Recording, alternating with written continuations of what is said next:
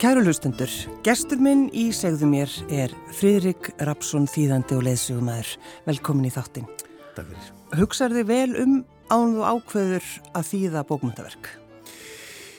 Já, maður, uh, það er svona ímis gangur á því uh, í gegnum árin. Uh, ég hef ímist verið beðinað tíðabækur og þá auðvitað les ég þær og, og svona að ég hafi fyrstulega tíma til eða hvernig stendur á verkefnulega og eins hvort maður hefur áhugað þessu. Mm. Hvort er hún sér skemmtileg? Já og svona er þetta, er, já já, er þetta eitthvað sem maður langar til þess að kljást við mm. og uh, já þannig að maður þetta metur það. Uh, síðan hef ég líka stungið hugmyndum að útgefundum og, og þá er þetta vegna að ég hef áhuga á því. Þannig að, þannig að það er nú yfirleitt einhver aðdraðandi, já. Mér langar svo aðeins aður en við förum að tala um hættuleg sambönd. Það er óbærilegur léttleiki tilverunar sem þú gafst okkur. þú þýttir þessa bók eftir Milan, er það ekki? Jú. 8-10 86 kom hún út á íslensku. Já. Og þessi bók sló náttúrulega bara algjörlega í gegn. Já. Út um allan heimir það ekki? Jú, hún, hún kom út 84, 1984 í, Paris. Mm og uh, varð alveg gríðarlega vinsæl og um, uh, var þitt á uh, ódaldungur, ég er svo sem ekki fylgst með því, ég held að þessi 40-50 komna núna. Mm. Uh, ég hafði svolítið fylgst með honum, hafði þýtt smásögu og leikrit áður. Fyrsta verkið sem þýtti var einmitt eftir hann, Jakob og Mestarinn eftir hann uh, sem er sko aðlugun á átjöndalaldskaldsögu og var sett upp í stúdendaleikusinu í stjórn, leikstjórn Sigurða Pálssonar, Skalds og góðs vina minns blessu sem minning hans Já. og þannig að ég svona sagt, uh, hafi lesið svolítið eftir, eftir hennan höfund og síðan þegar maður sá að hún var að slá svona ofbásli gegna þá uh, skrifaði ég Haldur Guðmundssoni sem þá var útgáðustjóri hjá Mála menningu og stakk að honum þessari hugmyndað það var náttúrulega gaman að skoða útgáða þessu og, og, og þau samþýttu það og þar með fór sá bolti að rulla. Já, ég er ofta að hugsa það, sko, hvað er það sem sko, gerir bók það góða að allur heimurinn er að lesa bókina? Veist, hvað er það? Það veit enginn. það er alveg... Ég held að það veit það nú enginn. Í þessu tilfelli, uh, því að fylgdist þú vel með því á sín tíma, þá, um, þá er það nú kannski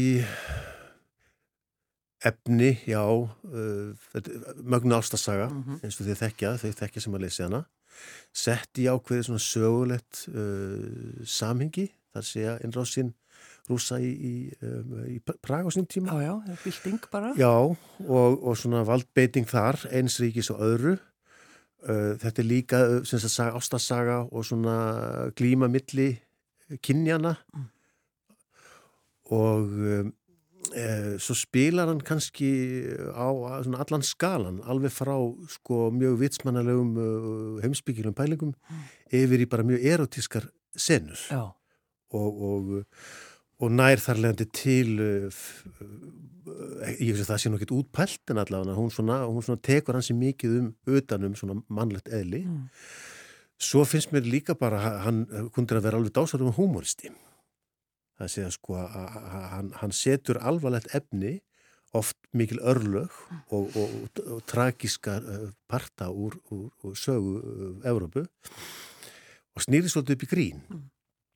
og það, þó húmar ferðist náttúrulega misvel eins og vitum milli, milli menningarsveða þá verðist honum hafa tekist að, að, að gera það og svona takk ég bara eitt svona dæmi sem kristallisir þetta aldrei vel að, að svona nokkur mánuðum eftir hún kom út í, í, í Brasilju til dæmis, las ég eitthvað að, að það var uh, þegar karnevalið stóð fræga í Rio de Janeiro þá var eitthvað í franskum blöðum um það að það var alltaf svona stákrand fyrir velgengni þessara bókar og svona hvað hún höfða til mismöndi fólks að annars að var fólk hálfbert eða allsbertnir á strönd Já. í goða vernu, hann njótt þess að vera til og allt það lág á solbekkjum og las þessa bók. Og sama tíma þá var ráðstefna uh, um heimsbyggju og bókmyndir í, einhverjum háskóla í Sömmi borg, það sem menn voru mjög alvöru uh, gefnir að spá í hvernig hann færi með til dæmis Nietzsche eða bara með mannlega örlög. Og, og svona, Þetta er svo góð lýsing þetta segir rauninni svo, svo margt um, um þessa bók, óbærilegu léttlegi tilverunar. Já, hann er svona kristall og, og hans bækur eru alltaf þetta og það var þetta sem heitlaði mig uh, og hefur alltaf gert og, erum alltaf mjög gaman að þýða bækurnars út af þessi, þessari þessum mismundi vítum. En Freirik, ert ekki á spurður út í kundera því hann, þið, þið, þið, þið eru vinnir, eða ekki? Jú, jú. Já. jú. Og, og hann er náttúrulega svo mikil prívatmaður. Já. Að, að, en ertu stundum spurður svona út í hann? Hvernig hefur hann það? Jú, jú, það er... Eh, Hvað er hann að hugsa? Já, já, ég, sko, hann er prívatmaður og þau hjónin, hann og vera kundera, eru mjög prívat og, og, og ákvæða að draga sig út úr sviðsljósinu 86 skömm eftir þessi bók kom út þess að það gekk alveg mikið á Já. og þetta var spurningum að fyrir hans sérstaklega halda áfram að uh, njóta engalífs og, mm. og hérna skrifa eða verða bara eitthvað svona, svona ofinber fígúra. Hann hefði rauninni geta farið þá leiði líka. Já, já, hann gefði alveg geta týnt sér í aðtrygglisíkinni eins og já. margir listamenn hafa gert. Akkurat. Jú, ég er oft, ég er, ég er oft spörður út í uh, það uh, en, en ég hef aldrei viljað uh, vinnátti byggist, byggist á trúnaði mm. og uh, ég hef aldrei viljað tala um það ofinbellega og, og mun ekki gera það. Nei, það sjálfsög ekki. það er bara þannig og það er ekkert lendó, þetta er bara þannig að, nei, nei, hérna, ef, maður, ef mann er treyst fyrir vinnáttu góð fólks að þá fyrir maður ekki að bera þá tóna. Nei. Verkin, verkin er það sem skiptir mest, segir já, hann alltaf. Já, já, og ég, og ég samála. Friðrik, hvernig var í Fraklandi 1782? Ég hvernig var nú ekki alveg fættur þá, nú, þannig ég gerði maður þá nú ekki alveg mjög glögglega, en, eh, en þetta var eh, eftir því sem ég hef lesið og bæði bókmyndir og svona í sögubækur, að þá var þetta uh, gríðarlega frjósamur og skemmtilegu tími. Mm ekki kannski fyrir alla eh, þarna, þarna er um, uh, eh, konusíkið franska undir stjórn held ég þarna sendi hluta uh, átjöndaldar er Lúðvík 15. og 16. Mm -hmm. og það er svona farið að kvarnast aldrei mikið, þetta er orðið ansi rótið og lénskerfið orðið ansi svona spilt uh, það hefði verið óáran hérna og búið að vera erfitt að mörguleiti mm. Uh, sagt, kirkjan og konungsvaldið sem hafa nú verið óumdilt auðvitað á öldum saman. Það var svona að fara að kvarnast úr því og morgna. Og morgna. Uh, já og, og smá saman þá og, og svo sama tíma eru auðvitað hugmyndir um um uh, mannrettindi og frelsi og, og allt það vaksandi og þar eru auðvitað mennis og volter og dítiró og og, og margir fleiri heimsbyggingar uh, sem að, að leggja grunninn að síðan því sem verður setna franska uh, byltingin. Mm -hmm. Það sem að mannreitandi yfirlýsingin er, er uh, fyrst byrt og síðan auðvitað svona hugmyndir okkar um mannreitindi eru sótt þaðan. Mm -hmm. Og uh, þannig að þetta er ofbáslega svona frjósamt tímabil uh, í uh, menningar. Svo oft þeirra er svona mikil gerjun og gildi og floti þá blómstra menningin. Eins kannski nöturrætt eins, eins og það er nú.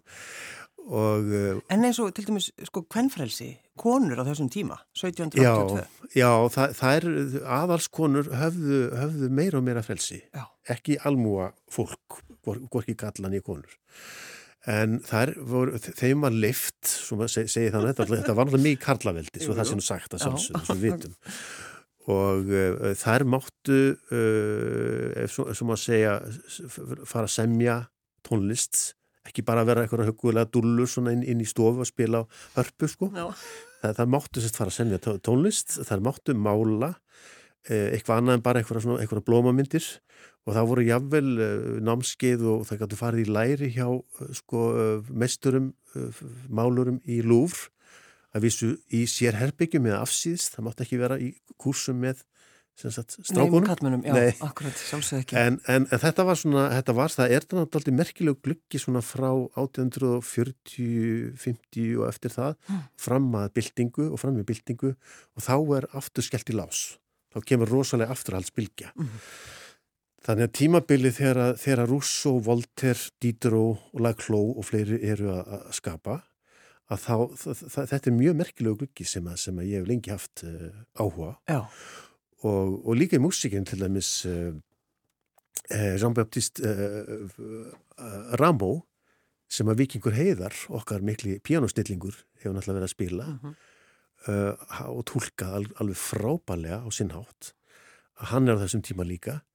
Þannig að það er, það er þetta er tímabil sem er á allan hátt mjög merkilegt og, og höfðar finnst, eða svona passar eða svona höfðar mikið til okkar tíma sem er líkil, mikil, líka mikil geruna tími Já, en, en til dæmis eins og sko kaffehúsamenningin á þessum tíma?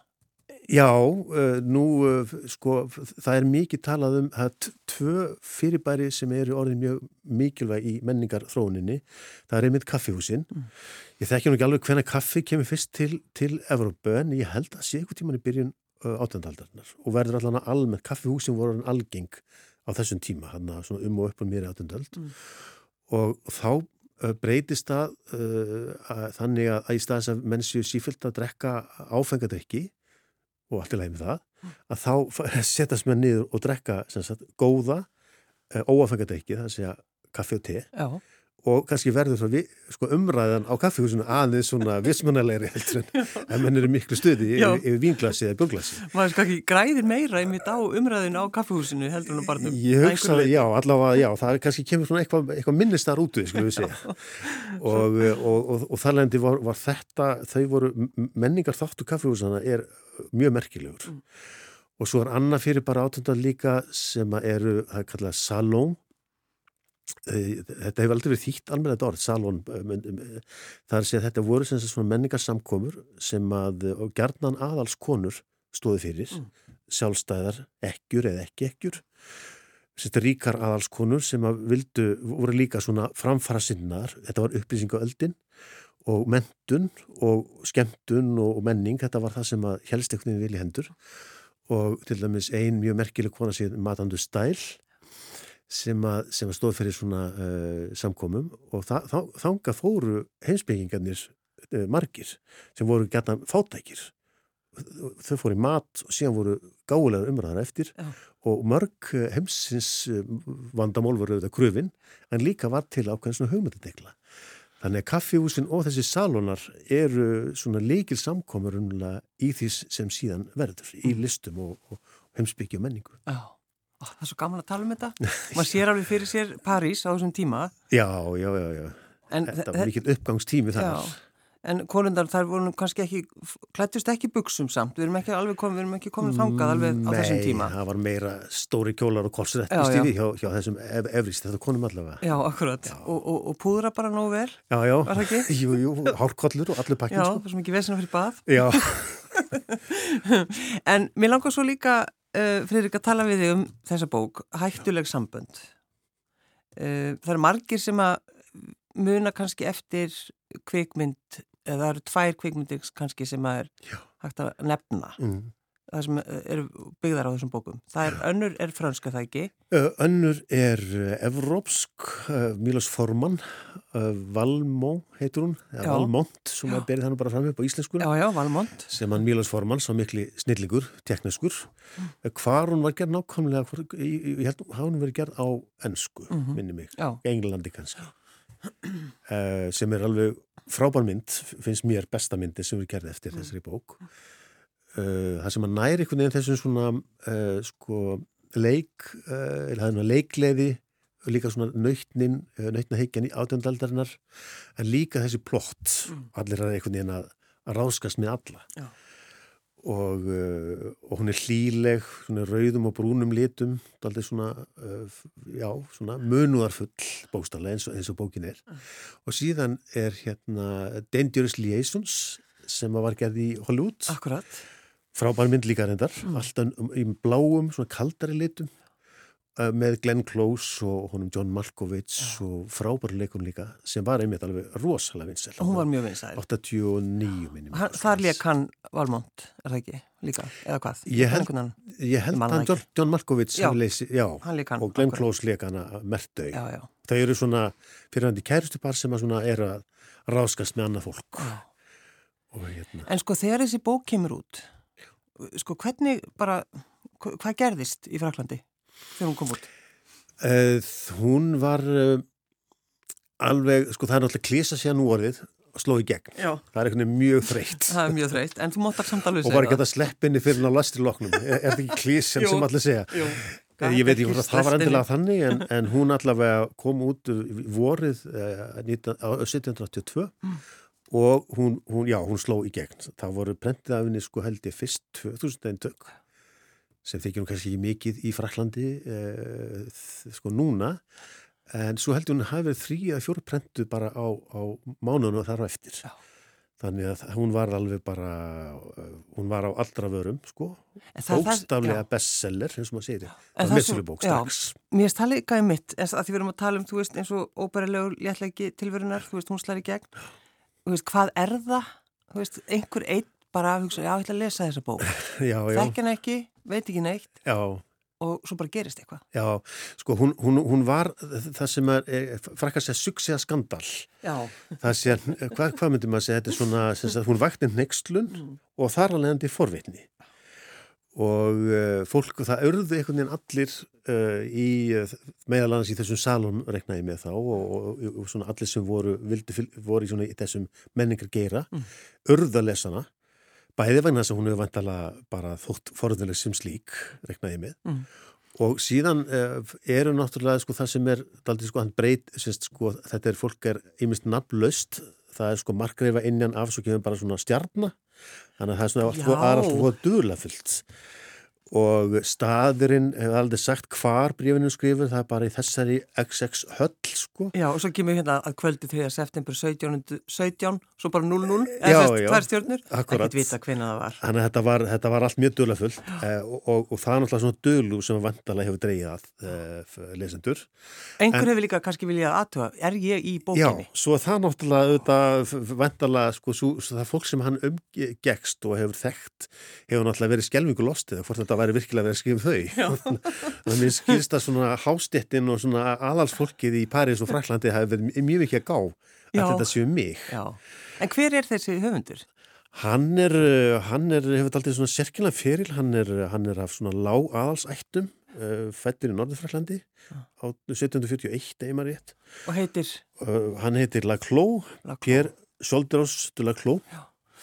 og hérna er uh, af svona, hann var lengst af hermaður, eða vest, mest alla sína uh, æfi var hann uh, starfaðan sem, sem hermaður, var í franska hernum. Mm.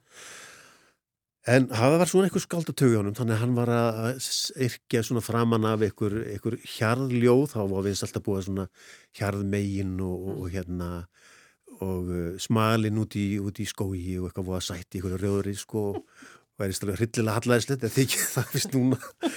Svo, svo samt hann einhverja uh, óper, eða libretto er ekki kallað við, við semst óper eða óperettur. Og svo- svo óperetta var einlega reynda samina konu og hérna það var vist uh, einhvern mesta uh, hérna, óberettu flopp allra tíma, það var ein síning og hún var rökkuð niður og síðan ekki söguna meir. En þetta gekk nú ekki vel hjá honum. Nei. samt talsvöldaljóðum og síðan uh, fyrst að snýra sér að þessu fyrir að skrifa þessa bók. Skrifa hana bara tveimur, þreimur árum hefur maður rétt. Og uh, fær frí úr hörnum sem gera það tímabili. Og uh, svo kemur hún út uh, 1782 og uh, vekur þessa svakalega tegli Mm. uh, honum er vikið úr hernum en þess að hann er daldið að gera grín að hernaðabrelti og kirkjunni og fleiru þannig að það var nú ekki vinsælt sko. Já, þannig að hann er bara rekin. já, já, hann er reikin uh, um tíma en, en Út af aftur- bókinni. út af bókinni, já Já. því hann er náttúrulega að, að deila mjög á vald yfir leitt sko. og kannski hafi ykkur herfóringi að síða sjálf að síða ykkur um person, ég, ég veit það ekki allavega þetta var svona skandall og þótt ekki sæmandi náttúrulega virðulegum hérna herfóringi að skrifa svona svona ósóma sko og sérstaklega ekki gera grína hérna sjálf, sjálfu valdinu sko. Já. en svo er hann reynda tekin inn aftur inn í, í, um, í herinn uh, og uh, er að stjórna framkvæmdum á svona mannvirkjum, hernamannvirkjum í suð vestufrallandi og hann tók sér ímislið fyrir hendur hann til þeim skipilaði númerakerfið í Parísaborg eins og, eins og fólk þekkir sem þekkir til í París að þá var ákveð kerfi á, á hérna, húsanúmerum hann, uh, hann skipilaði það, er svona höfundur af því og, og er svona dæmigerður átaldaldar maður þar sem að menn eru svona sko marg, ég segi nú ekki alvitrir, en eru einhvern veginn puttan í rosalega miklu. Þetta er áður en sérhæfingin á 19. öld fyrir að eiga sér stað. Já, já, já. Og síðan gerist hann eiginlega, uh, gengur í lið með Duc d'Orléans sem var svona einn af þeim sem að voru að bítast um völdin á eftir svona lókbyltingarnar og flýr til Breitlands og þetta er svona hel, heilmikið og flókin saga og svona gagbyltingarmaður og uh, hann lendir aftur í ónáð hjá hernum út af því, þessu afturtekin inn mm. og verður fer í leiðangu til Ítalju og deyr úr einhverju pestminni við mm. á Ítalju 1803 þannig að þetta var semst, hans ferill er fyrst næst sem, sem, sem herfóringi og herrmaður en svo er þessi skaldatögjónum og nafnast núna þetta lifir fyrst og næst út af þessari búk. Út af búkinni. Já. En eh, var þetta líka því að það, hann er náttúrulega að tala um kynlíf? Já, já. Það hefur verið náttúrulega bara algjör skandall, eða? Já, það sem er, skandallin er unnulega að það eru svo sem margt sem að nexlaði fólk vantarlega. Það, það er, já, hann, það er opinskáa lýsingar á kynlífi, opins, sko, meiri og ídali lýsingar mm. fyrir þennan tíma. Ég held að nú tíma fólk sem nú kannski geta kipað sér upp fyrir nei, þetta. Nei, nei. Þetta er að saman mjög pent okkar mælikvarða held ég. Eh, en svo er hann líka eh, að fjalla um, já, spilt spiltakallmenn lausláttar konur, akkurat og kannski það sem vakt ekki síðun nextun er að hann er að fjalla mjög sjálfstæðakonur og sterkar konur. Á þessum tíma og hann var mikil hvernréttenda sinni skrifaði bók um hvernréttendamál tveimur árum eftir þessi kom út. Og um mentun hvenna og réttindi og hann, semst, matandu mertau og fleiri personur, hvernpersonur þær eru mjög, mjög sterkar og, og, og á, á þeim tíma þegar konur áttu þetta að vera bara, bara sætar, dúllur heima og, og hlýða það sem að, sem að, því sem að kallin saði sko. uh -huh. og þannig að hérna, hann, hann er sko, það nexlaði mjög að, að konurnar í, í, í sögunni, sumar aðrar eru undirgefnar -huh. en, en sumar eru standa bara upp í hárinu á á sérstaklega Valmó og fleirum þannig og, það, og, og, já, það, og það var bara eitthvað sem mátt ekki gera á þessum tíma. Þetta eru sko þau eru svona kaldrifjað aðalsfólk er það ekki, Markgrefinjan og Valmón. og þetta sko þau eru að leika sér af, af tilfinningum. Já. og sérstaklega kannski einnar konu eða hvað? Já, já, þetta er, þetta er eiginlega, þau eru fyrirhandi par, þannig að eiginlega að, þau sem er svona kannski driff fjæðirinnar í, í bókinni. Uh, einmitt, hann er Vísi Greifi sem er, sem er ákveðin tegnastaða og hún er Markgreifinja sem sagt aðalsfólk. Og þau eru fyrirhandi par sem að eru ennþá svolítið ástofngin en eru samt ekki saman. Já og uh, á þess að vera reykja sögurþræðuna þá sagt, uh, þurfa sko, til þess að ná saman þá setur hún honum ákveðin skiliði hann þarf að uh, komast yfir stúlku sem er að fara að, giftast fyrirvandi ásmanni hennar mm. en hann vil hins vegar frekar komast yfir giftakonu sem er mjög trúið og, og degðu og allt það. Þetta, svona, þetta verður svona glíma þau þurfa að setja hvort öðru skilir til þess að ná aftur saman. Og, og þetta er svona, þetta er svona ég, mér finnst þetta að vera svona mantapl þetta er svona munuða fullt mantapl, eins og maður segja, borguleiti og og, uh, og það sem er sko uh, magna við þetta er að, að, að þetta fólk, þau og fleiri reyndar halda að þau stjórni öllu. Mm að lífið sé bara eitthvað svona, svona maskína eða forrið, myndum við kannski segja núna sem bara þetta forrita, ákveðið prógram sem bara gengur það eftir. For, forrið fyrir ekki, já, eða vél. Já, akkurat. Og hérna, en Já, svo, svo, svo náttúrulega fattaðu ekki að ástinn getur kannski komið og það bara, svo bara eitist allt. Við getum, náttúrulega ekki segja of mikið sko. Nei, að, þau komast að því að við erum ekki einmitt vélar, Nei. við erum ekki forrið á þess að það verið fundið, mm. heldur erum við með tilfinningar og, og, og hérna og það, það er ekkert að stjórna þeim neitt svo. En þú talar um, er þetta eh, svo kalluð sko brefa skaldsaga? Segir, segir það? Já, það, hún, hún er, þetta er, allt, þetta er allt saman uh, bref sem að, sem að þau uh, skrifa sína milli og, og, og, og aðra persónu skrifa þeim eða sína milli. Já, já, já. Og uh, fyrir vikið er, er þetta svona marga ratta skaldsaga eins og að fara að segja sinna. Mm. Þess að við, við lesandin sko les bref frá A til B, frá B til C og svo framvis og þessu svona vindur fram þannig að þau uh, segja þetta alltaf frá sínu sjónarhaldni og svo kemur annað sjónarhald á sama sannleika, sömu sögu mm. og svo framvis uh, og, en, en við fljótlega sjáum auðvitað lesandin veit allt þetta er svona eins og leikús ekki sett við, við, við, við vitum alveg nákvæmlega fyrir fram en auðmingi personundar veit ekki um að hluta þess Já. Og fyrir við ekki fáum við aldrei svona já, það er svona við heldum að við líka vitum allt. Já. en svo kannski er það ekki alveg rétt heldur. Nei. þannig hann, hann leik, honum tekst að leika ansi oft á bæði þau leika hvert og annað mm. og svo tekst honum að plata okkur aftur og aftur. Og í það kannski því meðal annars fel snild þessa, þessa höfundar. Svo er hann dásamlegu stílisti. Og hvert bref, þetta er alveg frá sko yngsta personan er 15-16 ára hún skrifa alltaf berskan svona saklýsinslegan og hún er nýkomin úr klausturskóla og veit ekkert um lífi mm. uh, elsta personan er 82 ára og hún hefur alltaf séð sitt hvað og, fann, og allt var á milli mm. að, og það var, fyrir mig sem lesanda var alveg rosalega gaman að glíma við þessa mismunandi sko, stílbröð ja. og hérna ég vona að það er tegist En Sko, þetta er náttúrulega eh, fyrsta sem ég sagði, vákonu laung. Já. en, já, já. en ég minna að það er ekki betra. 600 eitthvað síður. Það er mitt, bara eins og Harry Potter. Já, ég mitt. Það er einmitt það sem ég vona, að Harry Potter kynsluðin hérna gleipan í sig. Já, yngra fólka mitt í Fraklandi. Þetta er, þetta er mjög vinsæl bók hjá mennskælingum og háskólanum. En af hverju hefur hún aldrei verið þýtt áður, Fröðrik? Já, nú bara, bara, bara veit, ég bara hef ekki humuð með það. En hvernig ertu sko, því þú náttúrulega, þú veist, þú er búin að búa í Fraklandi, búin að vera að gæta þar, gamla dagar það ekki, eða kannski ennþá. Finnst þér sko, langaði að búa þar eða viltu bara vera hérna á þessari blessuði eigi?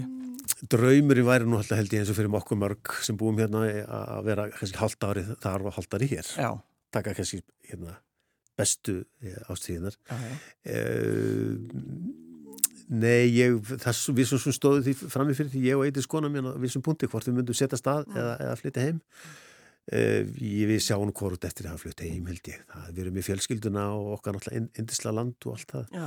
en við reynum að fara til Fræklands eins og oft eins og við mögulega getum. Já, setjast á kaffihús og Já, bara borða, go, go, borða góða mat eins og þú þekkir Já, já, við getum alveg fyllt út til tíu til þess að fara að tala um franskan mat.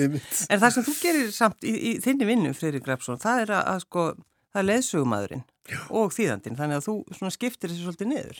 Já, það, það í sittni tíð, svona undanfærið svona 10-15 ár, Já. þá hef ég unni halvt árið sem leðsögumar og, halvt árið sem uh, þýðandi mm. og svona kannski krossast eitthvað smávegis og, og það er mjög uh, gaman og, og þá er maður annars verið í svona sökkvisjur ofan í langtímaverk eins og þýðingar, oft miklu meir en halvt ár sko og, og einn með sjálfum sér að kallt úti og dimt eins og núna þá er það svo gott. Þá fer maður á kafi í eitthvað tiltekki verk og, og, en síðan þegar það fer að vora og byrta fugglættir eru komnir þá kemur nú svona fyrringur í, í hérna eða svona vaknar leðsugum maður og dvala og, og þá snýr maður algjörlega við blæðinu og fer að hitta fer á flakk með fullta fólki. Er það alltaf með frakkana eða hvað? Það er nú svona bland mikið frakka já eins og ég mögulega geti eða franskumannandi og svo hef ég verið líka með ímsa þjóðir enskumannandi líka. En er ekki, frakkar eru svona, eru hryfnir af Íslandi?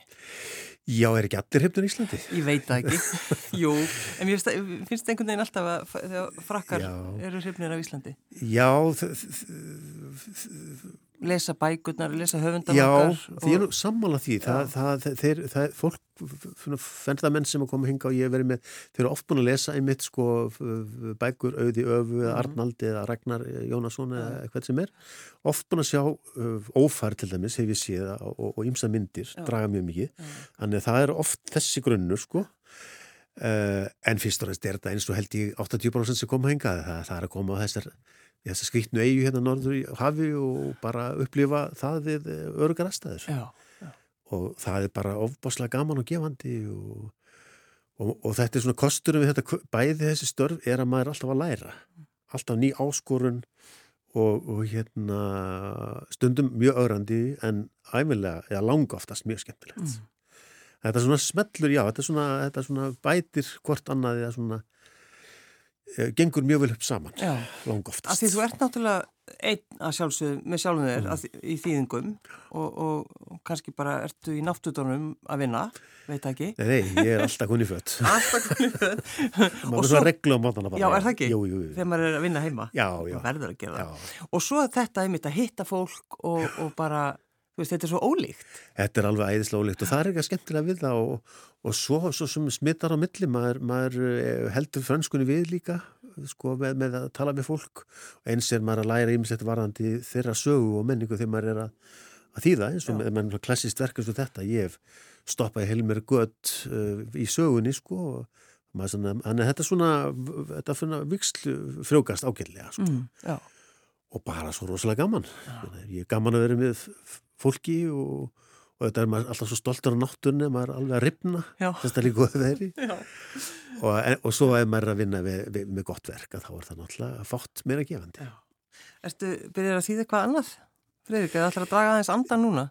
Ég, eh, nei, það er nú, það er ímislegt í, í pípunum en, en ég held ég bara að gera aðeins og eh, þó ég sé ekki höfundu bókana sér þýði þá, þá, hérna, þá er maður svolítið hjátrúfullur. Eh, hérna, það er ágætt að vera ekki að tala um það fyrir en þetta er komið. Nei, já, já, hefur, er, hefur alltaf verið þannig? Já, já. Það, það, hérna... Ég ekki vera gaspra. Nei, það er einhvern veginn, þetta er, það, það skemmir bara fyrir manni held ég. Já. Ég skil vel höfunda þegar ég vil ekki tala um handið til smíðum og, og mér finnst það líka það, hérna, það er ekkert orði fyrir það er orðið. En það er, eru það eru, það eru þrjúverk svona á tekniborðinu skulum við segja. Þannig, þannig að hvert, hvert öðru frábæra Já, þeir sem vilja henda sér í þessa þennan lestur, hættuleg sambönd er maður þá í París allan tíman eða? Eh, París og nákvæmni, hún gerist í París og svona í höllum þarna í nákvæmni og Versalir kannski líka eitthvað Versalir ekki, en, en svona það talaðum það eins já, hann minnist að Versalir, já, já. það er eins farað og, eh, nei, nei, þetta gerist í uh, þetta gerist í þessu umhverfi í, já, í svona heldri manna húsum og, mm. og höllum Já, já Þegar þú fer til Parísar fyrir þig hvað, hvað á hvað kaffehús ferðu fyrst? Hvað er uppáhalds kaffehúsið þitt? Það er nú lítið kaffehús bara minni með þetta í hverfinu sem við byggum í alltaf hverfinu. Það, það, það, það er ekkert alveg uppáhals. Ég, ég eiginlega byrja að fara í bókabúðunar. Já, þú byrjar á því? Já, og svo ef maður finnir sér kaffehús í grendið þegar maður er búin að kaupa bók. Það er ekki, ég er ekki sel, svona sérstakur select maður eða eins og margir eru, sko. Uh, mitt hverfi er eiginlega í, plasti vors uh, og það er hér rétti á Bastilutorkinu. Mm. Við byggum ekki það langt frá. Mm þar er, og, og Lumarri þegar hverfi Já, Mýrin, Mýrin já, já og þar er, þar er fullt að ég forða svolítið latínu hverfi og þar það er svolítið mikið af svona túristum sko. Segðu það, já, túristum.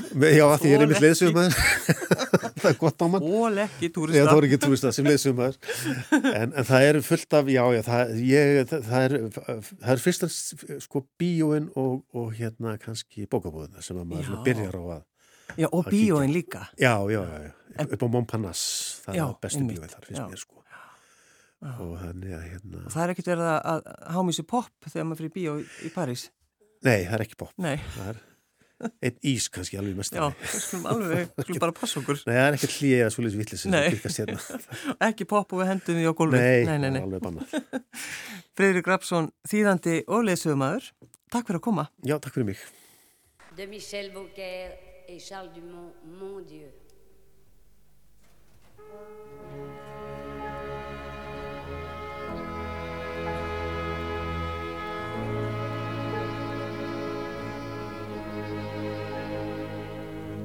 Mon Dieu, mon Dieu, mon Dieu, laissez-le-moi encore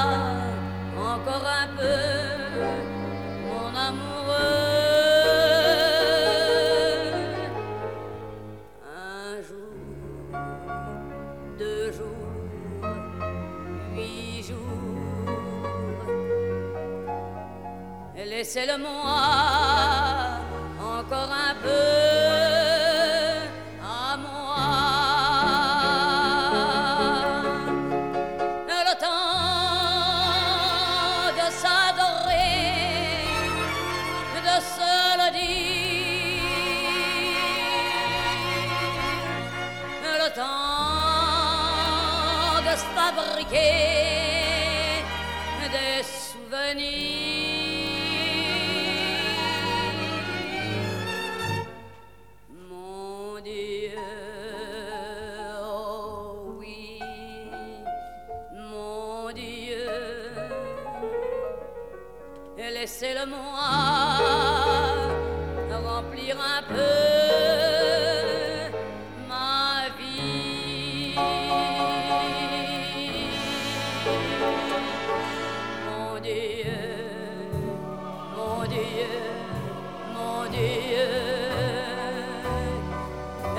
de moi.